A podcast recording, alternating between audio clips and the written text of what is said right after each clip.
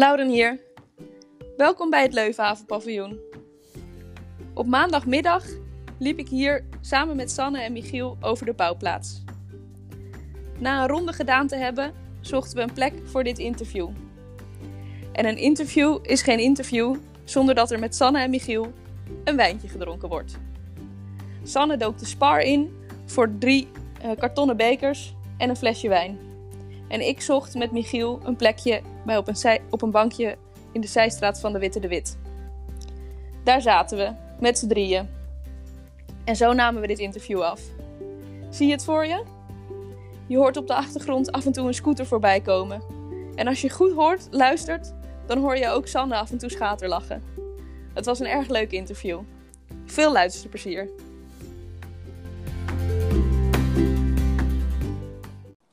Ja, ik ben Michiel Vis. Ik ben uh, projectmanager bij uh, Brinkgroep.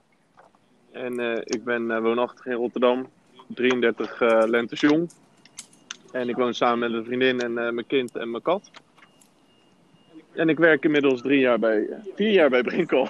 Het laatste jaar kunnen we wegstrepen. vier jaar bij Brink, ja. Uh, Leuvenhaven Paviljoen is uh, een project van de gemeente Rotterdam. Is uh, maatschappelijk vastgoed gecombineerd met commercieel vastgoed. Is voor het Maritiem Museum en het Haveninformatiepunt. En er komen ook twee, oh, scootertje. Er komen ook twee horeca-tenten in. Eén voor overdag en één voor in de avond. Dat is voor mijn tijd geweest. Dat is Diederik geweest. Die heeft het ja, we hebben een uh, mini-aanbesteding gedaan en Diederik heeft die uh, binnengeharkt. In 2015. Dus inmiddels uh, zitten we er zes jaar aan vast en ja, de oplevering is in zicht. Waarom is het gerealiseerd? Nou, ja, de gemeente had daar drie panden, drie panden staan. Drie, drie kubusjes. -huh. En daar zaten Giselle Lounge in en nog wat schimmige tenten. En uh, ja, dat wilden ze renoveren en een nieuw, uh, nieuw pand, een nieuwe ontwikkeling. Komt ook een hele nieuwe buitenruimte. Dus echt uh, iets betere promenade naar het centrum toe vanaf de cruiseschepen die aanmeren. Dus ja, die ontwikkeling, daar is het paviljoen een onderdeel van. Heb je even? um, ja, de grootste obstakels, dat is heel simpel, dat is gewoon geld. Het is maatschappelijk vastgoed, dus het is helemaal dicht gerekend door iemand bij de gemeente. En ehm, ja, de ambitie die ze eigenlijk hadden op die plek, die kwam niet overeen met het budget wat ze beschikbaar hadden. Dus best wel lang zijn we bezig geweest met het plan afstemmen op de ambitie van de gemeente en het geld wat beschikbaar was gesteld. En uiteindelijk is, is het wel verdubbeld qua budget. Maar ja, nog steeds ondervinden we daar wel wat problematiek mee. En uh, ja, ook de aanbestedingsvoorwaarden uh, hebben ertoe geleid dat we eigenlijk maar één aannemer uh, als inschrijver hadden. En daar zijn we mee in zee gegaan. Maar dat is niet, ja, daar lopen we wel tegen wat professionaliteitsdingetjes aan, nog steeds.